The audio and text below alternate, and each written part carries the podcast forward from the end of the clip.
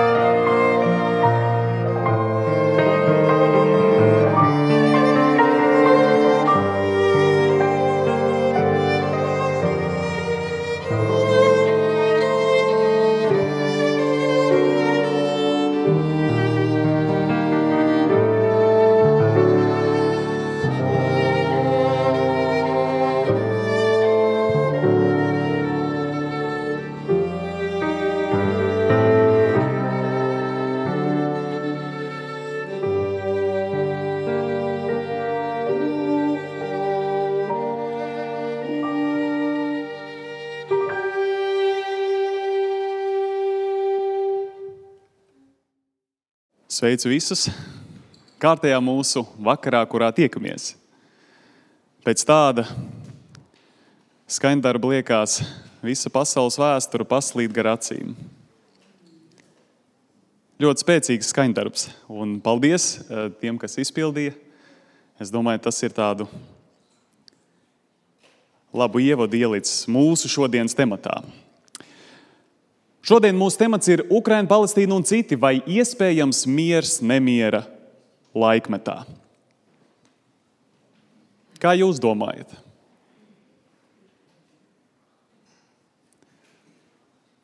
Cilvēki spriež dažādi. Bieži vien viņi spriež izējot no tā, kur viņi atrodas. Mums, tiešām paldies Dievam, mēs varam būt siltumā un mierā šodien šeit, kur citur tādas iespējas nav šobrīd. Un cilvēki tiešām secina par šo jautājumu, izējot no tā, kas viņiem ir galvā, ko viņi redz, ko, kādu secinājumu viņi var izdarīt par to visu. Šodien mēs mēģināsim aplūkot šo jautājumu um, noteikti no Bībeles skata punkta, bet, protams, arī mēs apskatīsim šo jautājumu un kas vēl ir aiz šī jautājuma, um, no tā, kas notiek pasaulē, no kaut kādiem notikumiem, un mēģināsim to visu palūkoties to visu, tā teikt, Bībeles gaismā. Jo, ja jūs esat bijuši uz mūsu pagājušajām reizēm, un, piemēram, uz pašu pirmo reizi, tad jūs atcerieties, varbūt tās, ka uh, Bībele ir vienīgais drošais pamats mūsdienu sabiedrībā.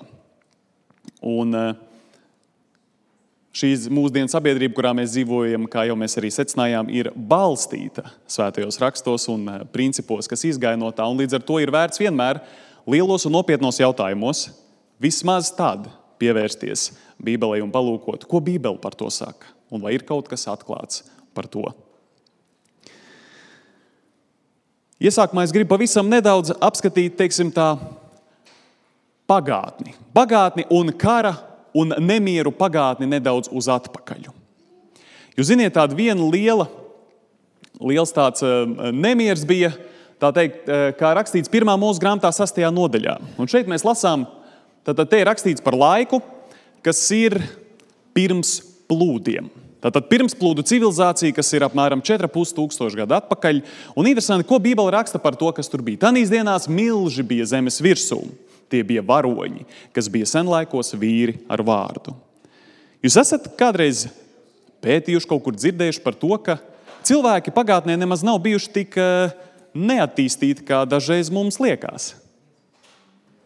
Vērojot pag senās pagā, vēstures kaut kādus atradumus, kaut kādus darbus, kas ir izdarīti, kaut kādas lietas, liekas, wow, viņi nemaz nav bijuši tik neizglītoti, kā mums nereti liekas. Un tiešām Bībele saka, ka pirms plūdiem bija ārkārtīgi izglītota, intelektuāla sabiedrība. Bet uz kurien šis intelekts augstais aizveda? Bībele mums rāda, ka tālāk Kad Dievs redzēja, ka cilvēku ļaunums augti auga zemes virsū un ka viņu sirdsprāta tieksmes ikdienas vērstās uz ļaunu, iedomājieties, ja sabiedrība, kura pateicoties savam augstajam statusam un izglītībai, beigu beigās tiecas uz ļaunu. Te ir rakstīts, tad Dievam kļuva žēl, ka viņš cilvēku zemes virsū bija radījis, viņš savā sirdī ļoti noskuma. Cilvēku ļaunums ikdienas augti auga. Un viss, ko viņi darīja tālākie pansaki, visas lietas tika ar ļaunumu saraudzētas. Nāca plūdi, un tie, kas vēlējās pieturēties pie tā dzīvesveida un pretošanos dievam, arī plūdos aizgāja bojā. Bet interesanti, ka pēc plūdiem, jūs zināt, noteikti esat dzirdējuši par tādu Bābeles torni. Un Bābeles tornis, tas ir ne tikai Bībelē aprakstīts, protams, arī vēsturiski avot kaut kāda stāsta par Babilonijas impēriju, eh, Neobābeli, kas bija tiešām greznākā impērija savā laikā. Un tur ir interesanti rakstīts par to, ka tajā laikā visā pasaulē toreiz bija viena mēlīte un viena valoda. Šodien valodnieki nonāk pie secinājumiem, ka tiešām ir kaut kādas valodas grupas, no kurām izriet visas mūsdienu valodas. Ļoti interesanti. Un interesanti, ko šie ļaudis teica. Tas ir pēc plūdiem, pēc tam, kad ir aizgājuši visi bojā, kas tur ir teikts. Celsim sev pilsētu ar torni, kura virsotne sniedzas debesīs. Ar to mēs sev sagādāsim vārdu un netiksim izkaisīti pa visu zemi. Kāpēc šo pieminu?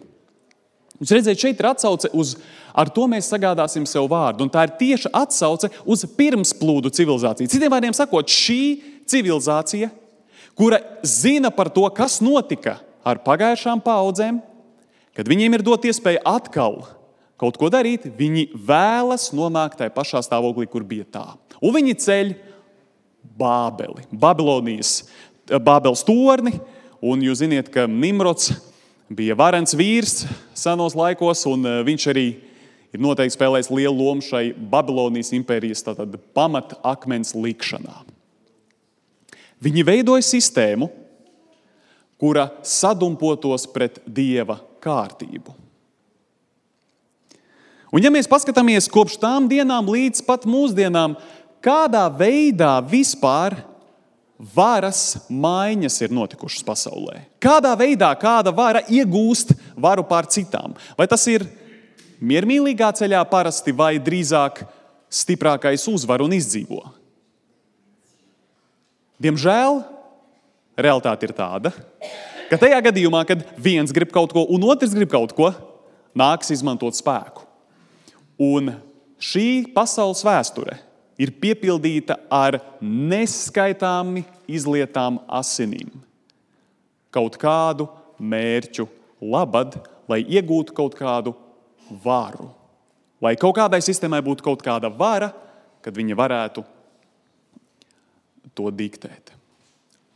Vēl ir interesanti, ko Bībele saka ir par to, ko simbolizē Bībelē Tātad tāda simboliska lieta, jo, ziniet, Bībelē ir arī simboli, pravietojumi, un Bībelē ir interesanti viena nianse par to, ko simbolizē ūdeņi, jeb jūras. Mēs lasām šeit, eņģēlis skaidro, tātad Jānis atklāsmē, viņš saka, un tā viņš man saka, ūdeņi, ko tu redzēji, pie kuriem sēž netikli, ir tautas, ļaužu pulgi, ciltis un valodas. Tātad, ko Bībelē, kad ir runa par simboliem, ko simbolizē ūdens, jūra? Tautas, ļaužu pulkus, ciltis un valodas. Un, ja mēs skatāmies vislielākajā pravietojumā, kāds ir bijis par pasaules impērijām, tad lūk, šeit mēs redzam, ka Daniels acīs naktas parādībā redzēja, un lūk, četri vēji traucās cits citam pretī pa plašo pasaules jūru, sakuldami augstus viļņus. Liekas tāda tēlēna valoda, bet patiesībā pavisam saprotam, kad mēs zinām, ko kas simbolizē. Ja jūras ir tautas. Tad, tad, kad tiek sakulti viļņi un viņas triecas cit citai pretī, ko tas simboliski varētu nozīmēt? Karus un nemierus. Pilnīgi pareizi. Un Bībele mums atklāja to, ko mēs tikko sākumā ar jums secinājām. Ka varas maiņas notiek tikai konfliktu rezultātā. Un tiešām pants tālāk saka, un tad no jūras izkāpa četri milzīgi zvēri, kas bija dažādi pēc sava izskata. Un, ja jūs kādreiz esat lasījuši šo pravietojumu, jūs ziniet, ka te ir runa par pasaules impērijām, pirms tās bija.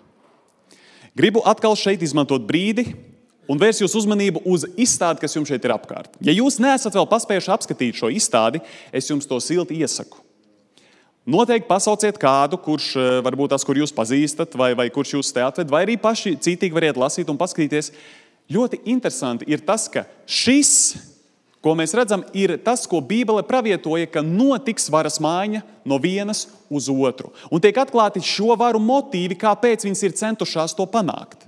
Visas pasaules varas, vienmēr sākot no Babilonijas dienām, ir mēģinājušas nostāties pret dzīvo Dievu un pret viņa autoritāti, uzspiežot savu virskundzību. Tāpēc noteikti pēc uzrunas paņemiet kādu siltu asīti tēju un apskatiet šo izstādi, kura ir ļoti interesanta. Jā, šī ir tā izstāde, un šis ir tas tēls, kas tur, ko Daniels redzēja sapnī.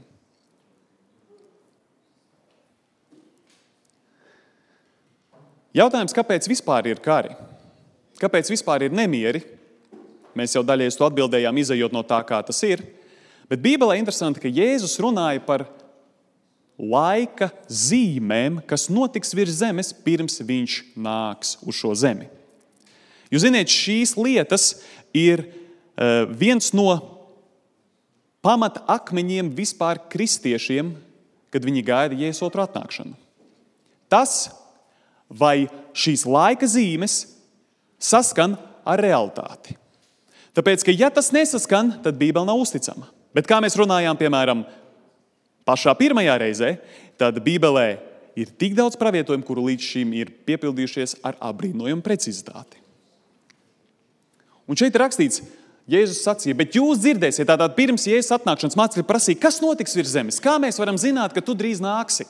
Un viņš saka, bet jūs dzirdēsiet karus un karu daudzināšanu. Esiet nomodā, nebīsties, jo tām tā ir jānotiek, bet tas vēl nav gals.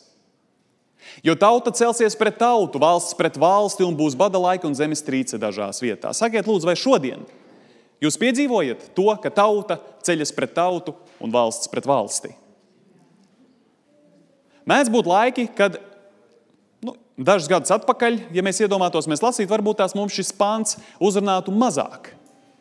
Bet tad notiek kaut kāda apstākļa, un tad pēkšņi kaut kāds Bībeles raksturietis vienkārši iegūst jaunu vērtību mūsu acīs.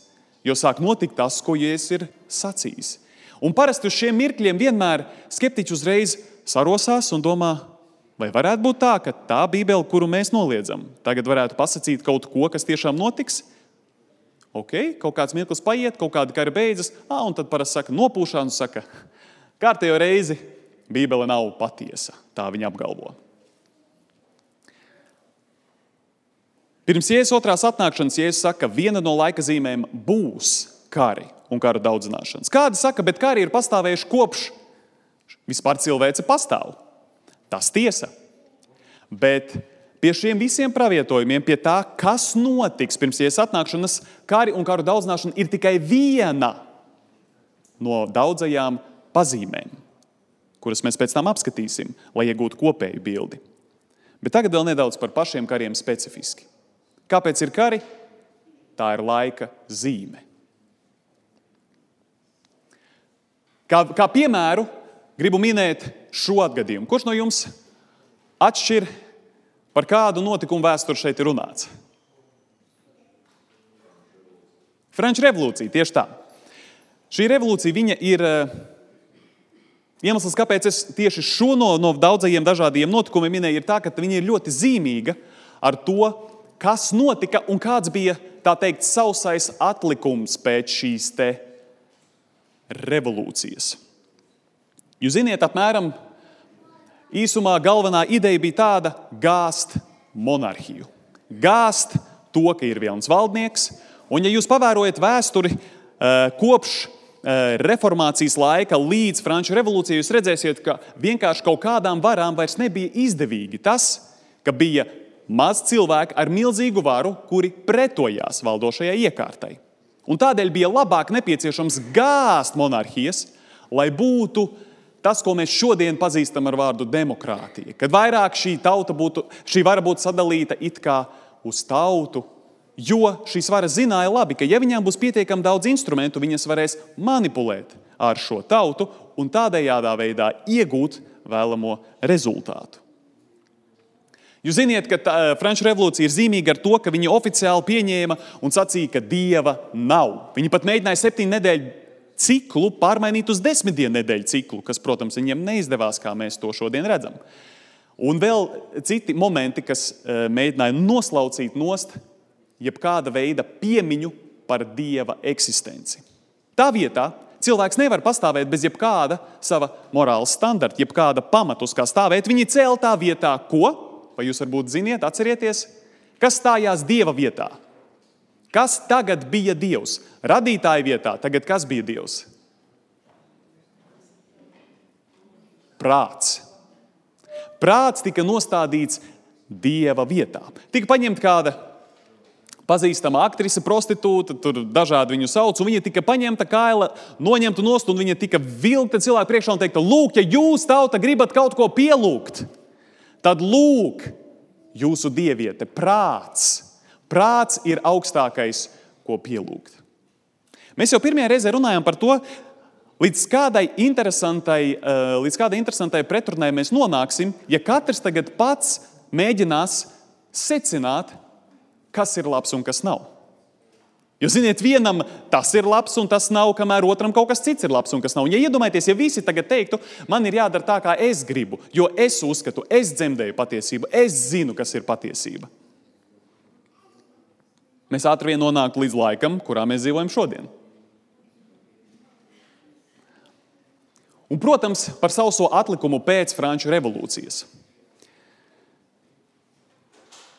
Pēc Franču revolūcijas tātad mērķis bija gāzt monarhiju, un līdz ar to vēl citi iemesli, bet uh, rezultāts ir tāds, ka viņi arī pieņem šo cilvēku tiesību preambulu, jeb šo pirmo tādu pamata akmeni cilvēku tiesībām.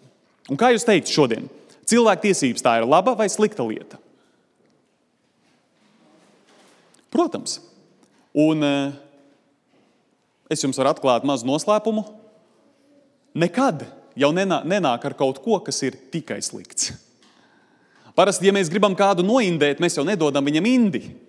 Mēs dodam gardu zupu ar nedaudz indes. Un tā izrādās, ienaidnieks ir darbojies visu caur vēsturē vienmēr. Un, protams, ka šī um, cilvēktiesība preambula ir ielikusi brīnišķīgas un labas lietas mūsu sabiedrībā. Bet tam līdzi seko um, tas, ka cilvēka prāts un cilvēks uh, tiek pacelts augstāk par jebkādu citu autoritāti, kas varētu būt pār Dievu. Bet, ja mēs, ja mēs paro, pa, paskatāmies uz simboliku, šodien es um, tikai gribu to pieminēt, ievirzīt, bet um, par to daudz gan nerunāt. Par to, jūs zināt, ka jebkura, jebkurš protests, jebkura sacelšanās, jebkurš karš, tas viss prasa kaut kādus līdzekļus un organizētu darbību. Nu, tas, es domāju, ir loģiski saprotams eh, pašiem no sevis. Jā. Ja jums, piemēram, ir eh, klase, kur jūs gribat eh, mācīt, es zinu, te ir ceļu meklētāji, skolotāji, kādi, kādi ir nodarbības vadījuši, jums ir kaut vai tikai desmit bērni. Ja jūs neorganizēti mēģināsiet viņiem kaut ko iemācīt, kā jums izdosies tas? Nu, dažreiz pusauģis nāk un saka, šis bija briesmīgi. Protams, ka ir vajadzīgs mērķiecīgs darbs, lai kaut kas notiktu. Un patiesībā ar šiem konfliktiem ir tieši tāpatās. Kāds vienmēr organizē un darbina šo visu procesu, un, protams, arī finansē. Sausais atlikums no Frančijas revolūcijas ir šī preambula, kurā ir pilns, ja jūs kādreiz esat saskārušies ar um, okultu simboliku, ja jūs esat saskārušies kādreiz vispār ar um, ordeņiem, brālībām un viņu darbību, kādreiz esat kaut ko interesējušies, tad jūs noteikti ziniet, ka viņi parasti iezīmē savas teritorijas, viņi iezīmē savu darbu, ko viņi ir padarījuši. Tādējādi arī dodot signālus viens otram, bet nu, parādot, kur viņi ir likuši pirkstu, kur ir viņu teritorija. Un eh, šeit šī daudzā, piemēram, simbolika, kas ir čūska, kas sev ēd, šīs brīvības cepure saucamā, visu redzot šāds desmit baušļu plāksnes, kuras tiek pārrakstīts. Tam visam ir milzīga simboliska nozīme. Un tomēr bieži vien mēs ļoti maz pievēršam tam uzmanību, domājot, nu, tas vienkārši ir māksliniecisks darbs. Eh, bet, eh, ja jūs papētīsiet vairāk, un to es arī jums pamudinu, tas ir interesants temats, paskatīties par to, kāda loma bija tieši eh, brālībām un ordeņiem pirms šīs sacelšanās, eh, revolūci, eh, Franču revolūcijas un vispār citām sacelšanām, kuras pēc tam turpinājās citās dažādās vietās mūsdienu Eiropā, jūs novērosiet kaut kādu sakarību. Visiem bija viena līdzīga mērķi. Un eh, rezultāts, sausais atlikums, lai gan izskatās uz pirmo aci dažāds, diezgan vienā virzienā visur veda. Bībelē pie pravieto, pie, pie laika zīmēm, jūs redzat, šeit ir rakstīts, tauta pret tautu un valsts pret, tau, eh, valsts pret valsti. Tā ir tikai viena no vairākajām laika zīmēm, kuras Jēzus pieminēja pirms viņa atnākšanas. Ir vairākas citas. Dabas stihijas. Sakiet, lūdzu, vai dabas stihijas ir notikušas kādreiz pagātnē? Lielas, lielas katastrofas, zemestrīces, vulkāna izvirdumi, tsunami ir bijušas. Labi. Viltus pravieši un viltus kristi ir tādi nākuši, kas sacīs, es esmu Jēzus Kristus, sekojiet man. Ir tādi bijuši pagātnē. Šodien esot dzīvi, kaut kur lasīju ap 300, ap 300 kristiem, kas pasludina sevi par mesiju. Pašlaik. Noteikti viņi ir varbūt vairāk, bet nu, ir. Tauta pret tautu, valsts pret valsts mēs jau runājam, ka tas ir jau pagātnē noticis. Vajāšanas, nodošanas, kaut kādu ļaužu grupu apspiešana vai tādas lietas ir notikušas pagātnē. Protams, paņemiet kaut kādus viduslaikus. Tas ir viens spilgts piemērs tam, ka tās lietas ir notikušas. Šodien nav jau mazāk. Mūsu reģionā varbūt ir mazāk. Citos reģionos turpinās apspiešanas un cilvēku vajāšanas.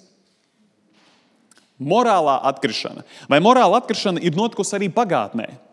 Tas nozīmē, ka e, morālais standarts pazemināts. Cilvēki, cilvēki kļūst e, amorāli, kā teikt, dara amorālas lietas. Tās lietas ir notikušas pašas par sevi, protams. Pravietiska politiskā aina tas, um, un pravietiska reliģiskā aina. Šīs divas lietas noteikti nav vēl piepildījušās, jo šīs ir lietas, kuras ir sevišķi signāli, ka Jēzus Kristus atnākšana ir pie durvīm. Un tad, protams, nepirkt, nepārdot mehānisms un zvēra zīme. Daudz saka, ka šīs lietas ir notikušas jau pagātnē. Kāda ir atšķirība? Jūs vienmēr ceļat trauksmi, Katru reizi, kad kaut kas notiek, notiek karš, jūs sakat, būs tas, notiek bats, jūs sakat, tā ir laika zīme, notiek tas, jūs sakat, ka tas ir tas. Jā, bet svarīgi ir saprast, ka Bībelē Kristus saka, ka tad, kad šīs visas lietas notiks vienlaicīgi, kad šis kokteilis būs gatavs, lūk, tā ir nenoliedzama Kristus otrās atnākšanas laika zīme. Un visam pa vidu jūs redzat, ka Kristus saka, pielūkojiet, ka neviens jūs nepieviļ. Pievilšana, jeb meli, būs pēdējo dienu, um, mēs varētu teikt, galvenais trends, vadmotīvs. Visur vieni meli. Jūs zināt, internetā statistiski, cik daudz no informācijas ir meli. Vispār viss, viss, viss internets statistiski cilvēkam pieejamais. Kaut kā 92, 95% kaut kad es lasīju pētījumā. Nu, protams, tas ir pētījums. Viņi iziet no, no vidējā lietotāja, kurš apmeklē vidēji tādas un tādas saites un tā tālāk, bet kopumā tas tomēr liek padomāt, cik daudz ir nepatiesas informācijas, bet cik daudz vispār mēs melos dzīvojam. Cik daudz ir bijis, ka jūs attopaties pēkšņi pēc tam, pff, man visu mūžu ir teikts, ka ir uh, Santa Claus. Tad nav. Un tā ir tāda pirmā vilšanās, bet izrādās ir lielākas vilšanās, kuras mūs sagaida. Kad mēs saprotam, wow, tā nemazam nav bijis, tad, kad izrādās, ka kaut kas atklājas vairāk. Nedaudz par pārējām laika zīmēm runājot. Protams, šie raksti ir angliski no mājaslapām un ar avotiem, bet es jums īsi vienkārši pārfrāzēšu latviešu galveno domu, lai nebūtu tā, ka es iztulkoju kaut kā pa savam. Šeit tātad Forbes, eh, Forbes pētījums par to, ka nesenais pētījums liecina, ka uh, vietējie ziņu mēdīji katru gadu, un tas ir, ja nemaldos, tas ir kur tas ir Amerikas reģionā laikam. Nē, nē, vispār vietējie mēdīji apmēram nepilns 2 miljardus dolāru zaudē tādēļ, ka lielie mēdīju giganti, kā piemēram Google un Facebook, Viņus izstumj no rīnas. Jūs saprotat, tas nozīmē tā. Kādreiz bija lokāli ziņu portāli. Nu, es nezinu, šeit, piemēram, mēs dzīvojam pie Mārupas, Mārupē ir Mārupas vēstnesis. Jā. Ja mēs dzīvojam kaut kur citur, tur ir vietējais laikraksts un vietējais avīzes. Ko viņi te saka? Ka cilvēki, pateicoties Google un Facebookam, sāk ar vien mazāk izmantot vietējos informācijas avotus un tādējādi viņus izstumjot no spēles. Es nezinu, kurš no jums kādreiz ir lasījis un, un interesējies par sociologu pētījumos par to, kādu ietekmi var atstāt tas, ka ir pārāk šaurs informācijas avotu daudzums un cik viegli ir sākt manipulēt ar informāciju, ja pārāk daudz ietekmes ir viena cilvēka rokās. Bet eh, arī bez tādiem pētījumiem jūs varat loģiski par to padomāt.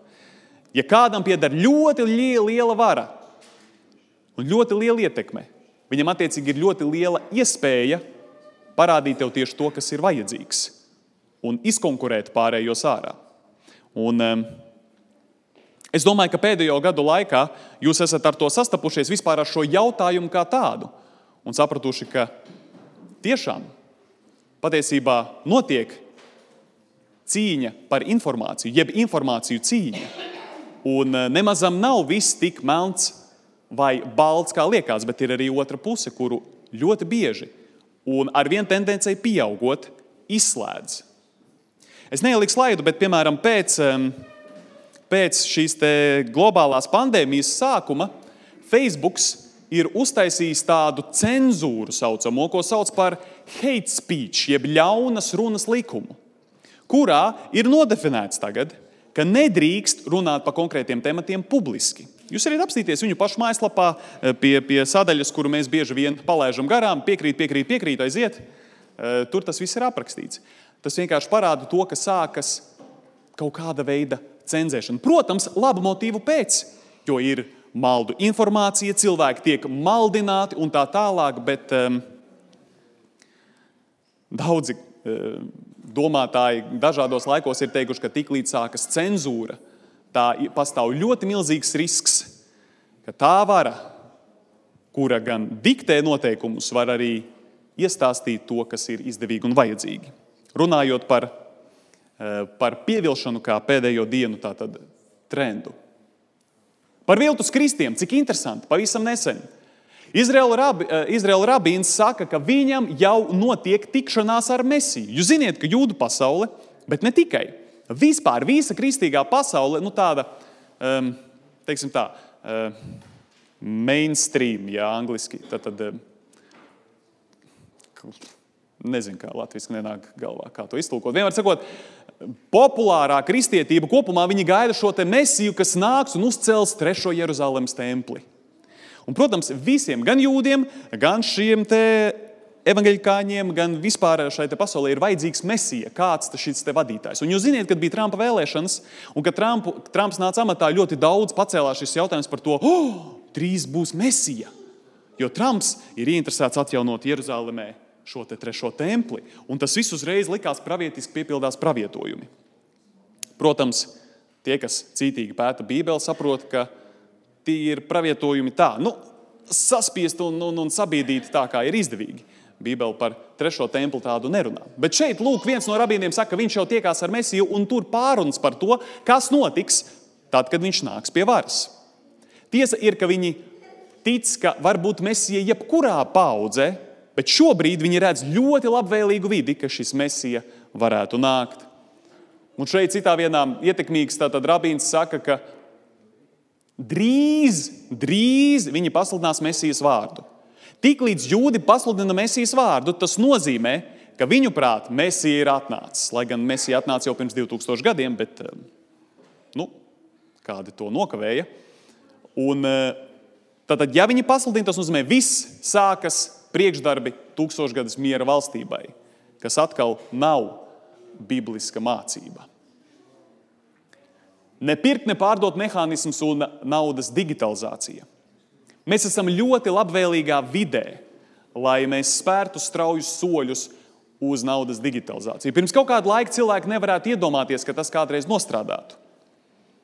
Bet, kā jau es vēlreiz teicu, kā jau es esmu minējis, Pēdējo gadu notikumi parāda, ka pasaule var mainīties ļoti ātri un ļoti strauji vajadzīgā virzienā.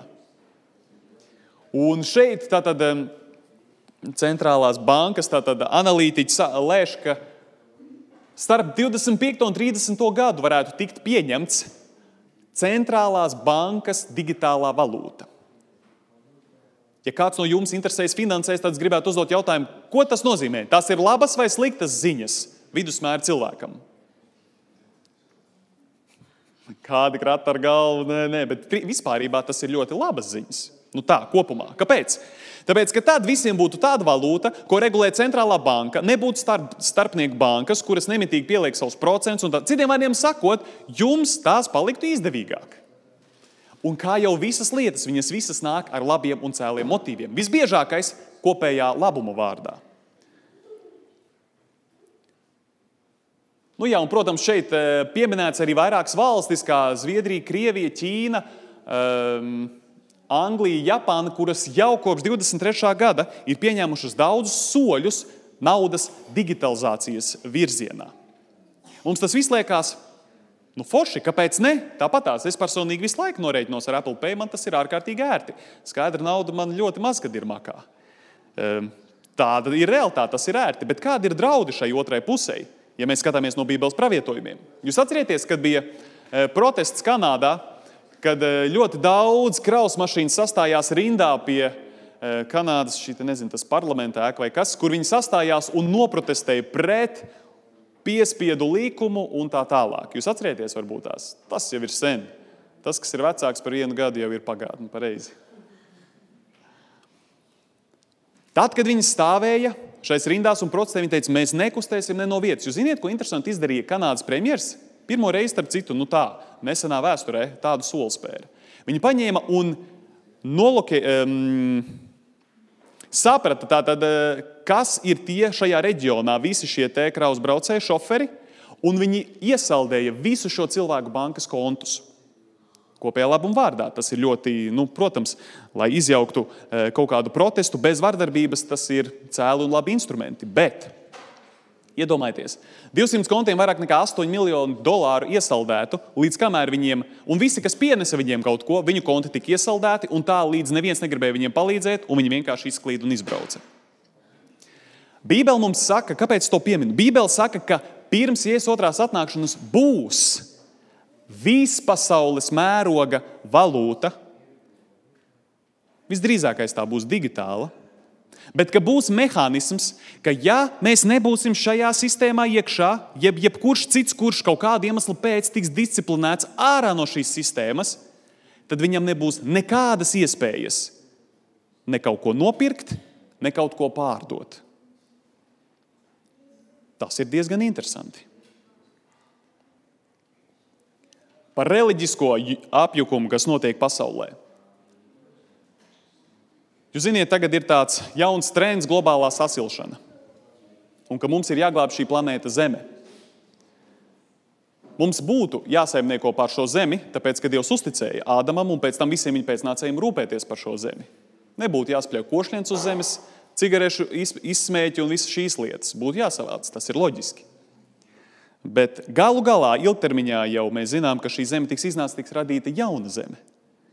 Un, um, saimniekot ir labi, bet kamēr tam nav nekāda reliģiska pieskaņa. Bet lūk, daudz konfesiju vadītāji sanākuši pie, kā viņi raksta, kā Izraels sanatnē, tā viņi nonāca pie Sinai kalna pakājas, kur daudz konfesiju vadītāji ko darīja. Sanāca kopā un parakstīja kopīgu šo paktu, jeb rakstu par to, ka mums ir jāpieņem jauni desmit baušļi, desmit klimata baušļi, kā viņi saka. Atkal, cik interesanti. Līdzīgi kā ar Franču revolūciju, vai ne? Mēs atkal aizvietojam dievu baušļus ar kaut ko citu. Jautājums, kāda vaina dieva baušļiem, kāda vaina dieva morāles standartam? Nezinu, bet nemitīgi notiek uzbrukums uz to. Un, protams, tātad eh, šeit tātad viņi parakst šo te, šo te faktu, un te ir teikts, ka dabas tātad, eh, apgānīšana un um, saka, necienīga izturēšanās pret dabu un tās resursiem ir grēks pret dievu radītāju. Jā, tā varētu būt. Bet skatāmies tālāk, kas ir interesants. Un viņi pieņem desmit baušļus. Pievērsiet uzmanību, kādi desmit baušļi tiek piedāvāti. Un tie ir ne tikai klimata aktīvisti, bet arī reliģiski vadītāji. Mēs esam šīs zemes saimnieki, pārvaldnieki. Radība atklāja dievību, jeb radība ir dievišķa. Oho! Es nezināju, ka kristieši tic, ka radība ir dievišķa. Tam pagāni tic viscaur Bībelē. Tas taču ir panteisms. Ļoti interesanti. Un, protams, citas lietas, kas ir vienkārši jaukas frāzes un lozungi, bet kopumā, ja tie aizvieto dievu likumu, tad mēs saprotam, ka notiek mērķiecīgs uzbrukums pret kaut kādu, jebkādu morāles standartu. Es beigās atkal ielikšu to grāmatu, ko es jums rekomendēju pirmajā lekcijā, bet um, Atcerieties, mēs runājam par to, ka mūsdienu sabiedrības un tās plaukstošākās ekonomikas ir pateicoties protestantismam, kas tajās valstīs plauka un zēla dažus gadsimtus iepriekš. Eiropas cēlākie šī te, um, renesanse vai ne šis te, um, zinātniskais atklājuma periods, tas viss ir pateicoties tam, ka cilvēki sāka lasīt, iemācījās atkal lasīt, kad viduslaikos lasīt prasme tika atņemta no cilvēces. Un kas to panāca? tas, ka Bībele tika izdota cilvēku valodās. Dievs vienmēr ir gribējis, lai cilvēce tiek morāli pacelt un dzīvot uz vislabākā standarta iespējamā. Un katrs uzbrukums pret šo standartu, lai arī kādas būtu šīs frāzes un lozungi, aizvedīs prom uz bojā eju. Tā tas bija ar pirmsplūdu civilizāciju, un tā tas notiks arī otrais. Un, protams, Pēc tam, kad viņi e, pieņēma šos jaunos desmit baušus, viņiem bija uztaisīti divi citi galdiņi, un viņi viņus demonstratīvi sašķēdīja. Tas video izgāja populārs internetā par to, ka viss mums vajag kaut ko jaunu. Turpinot par reliģisko, morāli, reliģisko tātad, pagrimumu. Jūs zināt, ka pirms sešiem gadiem bija e, reformācijai apritēja 500 gadi. 500 gadi kopš Mārtiņš Luters pienagloja 95 tēzes pie Vitsenburgas baznīcas durvīm. Un 500 gadi, jūs zināt, šīs apaļās jubilejas, tas ļoti patīk visādiem ordeņiem, brālībām. Ir, tā ir viņu lieta, teiksim tā. Un, eh, un 500 gadi, un iedomājieties, tiek parakstīts kopējs darbs, um, statements, apgalvojums, teiksim tā, ja, kur galvenā ideja ir tāda, starp Romas baznīcu un uh, Lutāņu baznīcu, ka mums taču galu galā ir daudz vairāk, kas mūs vieno nekā tas, kas mūs atšķir. Un tāpēc, brāļi un māsas, aizmirsīsim to, kas ir bijis aiz mums, aizmirsīsim, par ko vispār bija protests, aizmirsīsim par Dievu vārdu, aizmirsīsim par baušļiem, aizmirsīsim to visu un vienkārši mīlēsim. Mīlēsim un kopīgi vienosimies. Tas viss, sevišķi pēc ilgstošām ciešanām un cīņām, ir patīkami dzirdēt. Katrs ilgojās pēc miera un prieka. Neviens neilgojās savu dzīvi pavadīt karā un konfliktā ar kādu. Bet jautājums, ko šis kompromiss sev ietver, ko tas maksā? Ja tas maksā atteikties no Bībeles standarta, par ko cilvēki izlēja asinis, tas nav iespējams. Un šeit, apbrīnojamā kārtā, tiek parakstīts šāds dokuments, un principā ar šo oficiāli viņi saka, ka protests ir noslēdzies. Mēs varētu teikt, kāda starpība, ka viņi saka, ka protests ir noslēdzies. Bībele to pravieto. Bībele saka, ka pirms Jēzus otrās atnākšanas būs vienota ne tikai politiskā sistēma pasaulē, kaut kādas vadlīnijas, pateicoties valūtai, kura tiks kontrolēta, bet ka būs arī vienota reliģiskā aina. Ka nebūs tādu daudz dažādu konfesiju, kas šodien daudz jauniešu samulsina, kāpēc ir tik daudz baznīcas, tik daudz konfesiju, tik daudz reliģiju, vai nav viens dievs, ko mēs visi pielūdzam? Nu, negluži. Vieni apraksta dievu tādu, otru tādu. Nu, Tas nav viens un tas pats, ko mēs pielūdzam. Kāpēc to visu nenoslaucīt un vienkārši dzīvot brālībā un mierā ar lielāko prieku, bet um, nenoslaukot nemainīgo standartu? Un tad, kad šī vienotība tiek balstīta nevis Bībelē, ko Dievs labprāt un ilgotos, bet kaut kādās cilvēku idejās, kuras iet pretrunā ar Bībeli un beigu beigās noved sabiedrību līdz postam, tad mēs nevaram tam piekrist. Un šī ir pēdējo dienu laika zīme. Nu, kā tāda kulminācija šai reliģiskajai apvienošanai un tam, ka es nezinu, kurš vispār no jums ir interesējies par reformāciju, par to, kas aizsākās, kas notika pretriecienā pret reformāciju, šī kontrreformācija. Tas ir ārkārtīgi mīļš temats. Man, man ļoti patīk to pētīt un vēl pētīt un mācīties par to vairāk, jo tas ir apbrīnojami. Un tagad iedomājieties, protestantiskā Amerika, kas ir likusi pamatu reliģiskajai brīvībai ne tikai Amerikā, bet visā pasaulē, kur vien tas ir iespējams, ar mūsu esošo tagadējo, nevis mūsu, bet Amerikas Savienoto Valstu prezidentu, spēr šādu interesantu soli. Jūs zināt, ka katram prezidentam ir jāzvēr pie Bībeles, kad viņš stājas amatā. Amerikā. Jā. Kādiem tas ir varbūt tās vienkārši um, rituāls un pieņēmums, un tā citi to uztver nopietni, viņi zvēr Dievu priekšā. Bet interesanti, pie, kuras, pie kā vispār zvērēja Joe Bidenis. Protams, ka pie Bībeles, kas ir viņa ģimenes tradīcija un tā tālāk, protams, brīnišķīgas lietas aprakstītas, tas ir mantojums un tā, bet ja jūs pievelkat klāt un paskatieties, kas tā ir pa Bībeli, tad jūs redzēsiet, ka tas ir Dwayne Rāms tulkojums, jeb Dwayne Rāms Bībele. Ja jūs ziniet, par reformāciju, par kontrreformāciju un uzbrukumu Bībelē, jo jūs zināt, ka viduslaikos Bībele mēģināja iznīcināt un noslaucīt no šīs zemes. Tādēļ bija tik daudz analfabētu, kas nemācīja ne lasīt, ne rakstīt. Tad, tad kad viņi ievies atpakaļ, viņi saprata, nu mēs vairs nevaram apslāpēt Bībeles cirkulāciju sabiedrībā. Aha, tagad mēs sāksim meistaroties Bībeles interpretācijas sagrozīšanā. Un kā pamatpīlārs Angļu Bībelē tika radīts Duēna Raims Bībele, kas ir Jēzus ordeņa meistardarbs. Vienkārši un, un saprotami.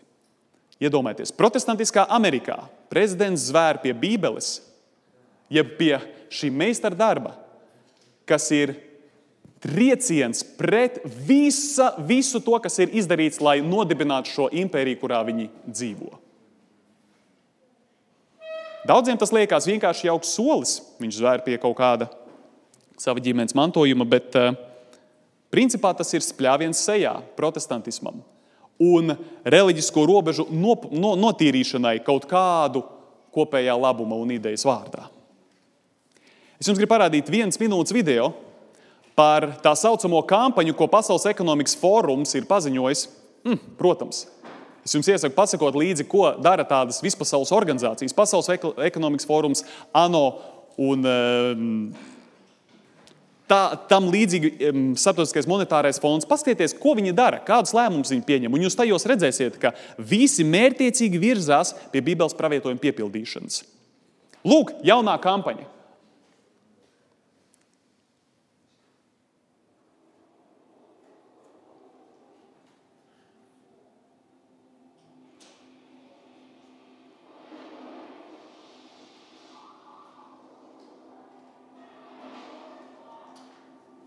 Mūsu pasaule ir izmainījusies.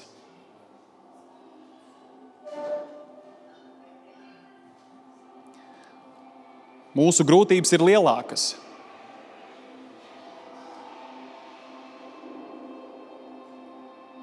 Mūsu vājības ir atklātas.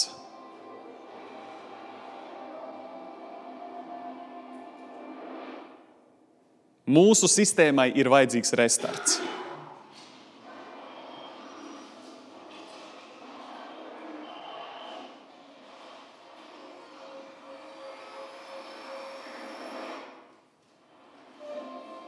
Un visiem ir loma šajā jaunajā sistēmā.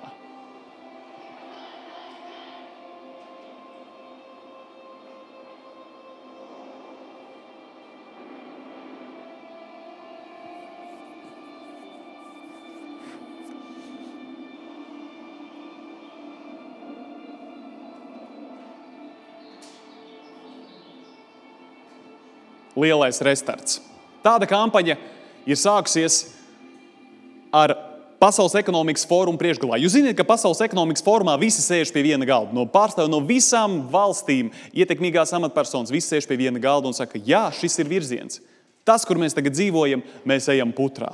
Mums ir vajadzīgs kaut kas jauns, jauni standarti. Jāpiemina, protams, ir Hegela dialektika. Jūs zināt, bija tāds Hegels filozofs, kurš sacīja, ka, lai nonāktu pie rezultāta, mums ir vajadzīgs divi, divas pretējas puses. Mēs nekad nevaram uzreiz nonākt pie rezultātu, ko mēs kārojam. Mums ir vajadzīgs piedāvāt tīri labēju piedāvājumu, tad tīri kreisu piedāvājumu, un tad rezultātā šo abu sadursmē, konflikta rezultātā, mēs nonāksim pie īstā galvenā rezultāta. Jeb kā to saka, tēze, antitēze, un tad ir sintēze. Ļoti interesanti, tīri ir ordeņi, jeb brālības, kuriem lozungs ir kārtība no haosa. Un ņemot vērā Hegela dialektiku, ko politiķi uzskata par ideālu instrumentu, lai sasniegtu rezultātu, un paskatoties no Bībeles gaismas uz visu pravietisko vēsturi, vai varētu būt tā, ka konflikti, kas tiek radīti, ir ar mērķi iegūt vajadzīgo rezultātu, kas nodibinātu augsni pēdējo dienu notikumiem? Es lasot Bībeli, varu teikt, pilnīgi noteikti tā tas notiek. Bībelē ir sacīts, par laiku un stundu brāļi man jums nav jāraksta. Runājot par Jēzus otru atnākšanu, jo jūs paši labi zināt, ka tā kunga diena nāk tāpat kā zaglis naktī. Kad sacīs, pievērsiet uzmanību, ko sacīs pirms Jēzus otrās atnākšanas, ko visa pasaule sacīs. Kad sacīs, nu ir miers un drošība. Izrādās, ka šie centieni nodibināt vienu pasaules kārtību, vienu reliģisku vienotu praksi, ja tā teikt, viņa izdosies. Viņa izdosies, taču tā nebūs balstīta uz dievišķiem principiem. Tad pēkšņi pār viņiem nāks posts kā dzemdību sāpes pār grūtnieci, un viņi nevarēs izbēgt. Un tālāk ir rakstīts, bet jūs, brāļi un māsas, nedzīvojat tumsībā, ka šī diena jūs varētu pārsteigt kā kāds zaglis. Citiem vārdiem sakot, Nepievilieties ar to, kas notiek. Tās nav Kristus ilgas, tas nav Kristus ilgu rezultāts, kas notiks uz šīs zemes. Notiks apvienošanās, pateicoties konfliktiem un nemieriem, tiks rasts risinājums, kurš apmierinās visus, vairāk vai mazāk. Un šādā sistēmā tad varēs tikt novadīti pēdējie pravietiskie notikumi, par kuriem raksta Bībele. Un tas ir apbrīnojami. Tas ir vienkārši apbrīnojami, ka Bībele jau cik sen par to pravieto. Tas ir vienkārši apbrīnojami. Šie ir pravietiskie notikumi, kuriem ir jānotiek. Un kā jau es pirmajā reizē runāju, virzoties uz noslēgumu mūsu šodienas uzrunai, kāds ir pravietojuma nolūks kopumā? Kāds no jums domā, nu, Kāds zina vairāk, kāds zina mazāk. Noteikti, ka es zinu daudz mazāk nekā kāds cits par šiem tematiem. Un kurš zina vairāk, tas atkal secina vairāk un saprot vairāk un varētu pastāstīt kaut ko citu. Bet principā pamats ir viens. Dievs mums neatklāja nākotnes notikumus, lai mēs varētu tagad ar šo informāciju lielīties, lai mēs varētu tagad tirgoties ar informāciju un tā. Pravietojumu nolūks, jeb tas, ka Dievs kaut ko pasaka pirms tas ir noticis, nolūks ir, kā rakstīts Jāņa evanģēlijā. Jēzus saka, to es jums jau tagad esmu sacījis, pirms tas notiek. Lai kad tas būs noticis, jūs ticētu. Konflikti ir neizbēgama cilvēces sastāvdaļa. Tās mērķis visos laikos, kā jūs redzēsiet, arī šeit, šajā izstādē, ir nonākt pie vienas vienotas pārvaldes sistēmas. Bet beigās viņiem izdosies. Vismaz šķitīs, ka izdodas. Bet kā iegūt mieru šādā laikā? Jūs zināt, mēs nevaram no tā izbēgt. Un visi, kas turas pie Dieva vārda, viņi šai sistēmā neiekļausies. Tur, tiks, tur noteikti liks pārkāpt kaut kādus morālus principus, kurus Dievs ir sacījis, ka tikai viņus ievērojot, cilvēks var būt laimīgs. Un tas būs starp Dievu un cilvēka prātu izvēle. Bet mieru dod. Mieru dod tas, ka Dievs to jau iepriekš ir pasakījis. Jūs zināt, tā kā pirms zobārsta apmeklējuma. No ārkārtīgi negribās iet. Sevišķi, ja jūs nezināt, kad jums būs jāiet. Bet tad, kad jums pasaka, nu tad neko, tad tu saņemies un vienkārši ej. Tāpat tās ar pravietojumiem. Diemžēl šī zeme nu, ir daudz jauki un skaisti brīži uz šīs zemes. Bet lielākoties ir daudz asins izliešanas un varmācības. Taisnības nav, cilvēki ir apspiesti. Tāda ir vienkārši realitāte. Jēzus saka, mieru jūs iegūstat, ka jūs ziniet, ka tas nav viss. Mieru jūs iegūstat, ka jūs zinat, ka, kā tas viss risināsies. Un mieru jūs iegūsiet, tāpēc, ka ir apsolīts, kas notiks pēc tam. Bībele ir mūsu vienīgais mierinājums. Ticība Dievam, paļāvībā uz Viņu, pārliecinātā paļāvībā. Atcerieties, kā mēs pirmajā reizē runājām, kristietība nav kaut kāda vienkārša iestāde. Tas ir Dievs grib, lai mēs ar prātu pārbaudām, saprotam un tad pieņemam. Un Bībelē ir apsolīts, Par spīti visām šīm varām, kas uz zemes valda, kuras mēģina pakļaut sev cilvēkus. Bībelē teiks, bet mēs gaidām pēc viņa apsolījuma jaunas debesis un jaunu zemi, kur pats galvenais - taisnība mājo. Būs reiz vieta, kur mēs varēsim būt, kur mūsu ilgas vienmēr ir traukušās. Neviens nekāro dzīvot briesmīgā vidē, nemitīgos konfliktos, bet ik viens ilgojas būt laimīgs, vienkārši laimīgs. tāda vieta tiek apsolīta. Un tad ir ļoti skaists psalms par to, kas tad varēs doties uz šo skaisto pilsētu. Dāvida dziesma. Kungs, kas mājos tavā mājoklī un dzīvos tavā svētajā kalnā? Pievērsiet uzmanību. Kas staigā nenoziedzībā un dara taisnību, un patiesību glabā savā sirdī. Kas citu neaprunā ar savu mēli, savam tuvākam ļauna nedara, un nelaupa viņam viņa godu, kas neieredz ļaundari, bet tur cieņā tos, kas bīstas to kungu, kas negroza zvērstu, ja tas viņam par nastu, kas neņem netaisnus augļus par aizdoto naudu vai dāvanas, lai kaitētu nevainīgajam. Kas tā turēsies, tas pastāvēs mūžīgi. Ārkārtīgi skaists apsolījums. Noteikti tas attiecas uz mums visiem. Mums katram ir kaut kāda lieta, kur mēs varam dzīvot vairāk pēc dieva prāta.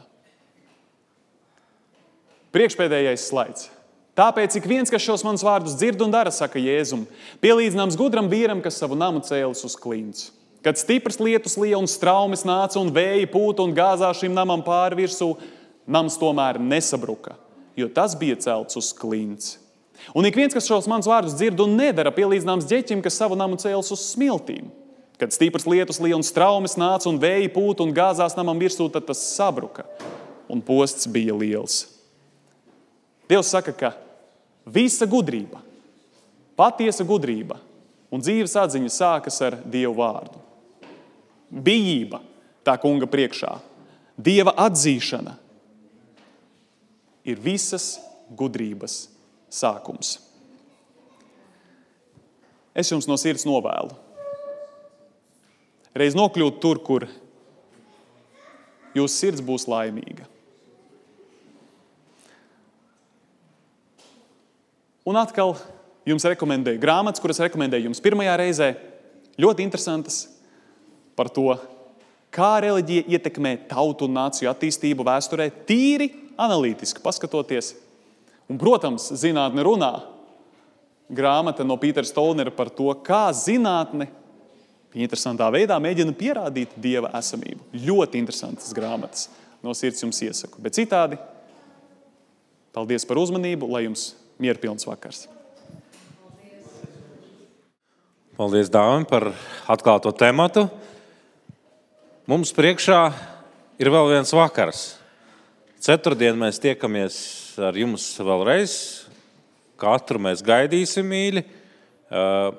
Pēdējais temats arī ļoti aktuāls mūsdienām, jo mēs redzam visur apkārt ir zīlnieki, dažādi burvji un dažādas okultiskas lietas. Un centīsimies noskaidrot, kāpēc saistīšanās ar to ir ļoti bīstama. Vispār, kā tas viss veidojās mums apkārt. Tas būs ceturtdiena, un atgādinu, ka viss e, šis noslēpuma vakaru sērija noslēgsies e, sestdien. Arī šajā pat laikā, 18.30. mēs varēsim tikties uz koncertu, uz kopīgu sadziedāšanos. Tādēļ arī Ieplānojiet savu laiku, lai varētu būt arī šajā vietā sestdienā. Neizklīstam. Varam doties uz blakus telpām, lai baudītu tēju, lai, kā jau Dāvis arī pieminēja, iepazītos arī ar šo izstādi. Tur arī var iepazīties ar dažādām grāmatām. Arī šo grāmatu, Aleksēja Pārina grāmata, arī ir pieejama. Kā, ja jums tas interesē, tad uh, tas, to ir iespējams dabūt. Tad lai visiem jauks vakars!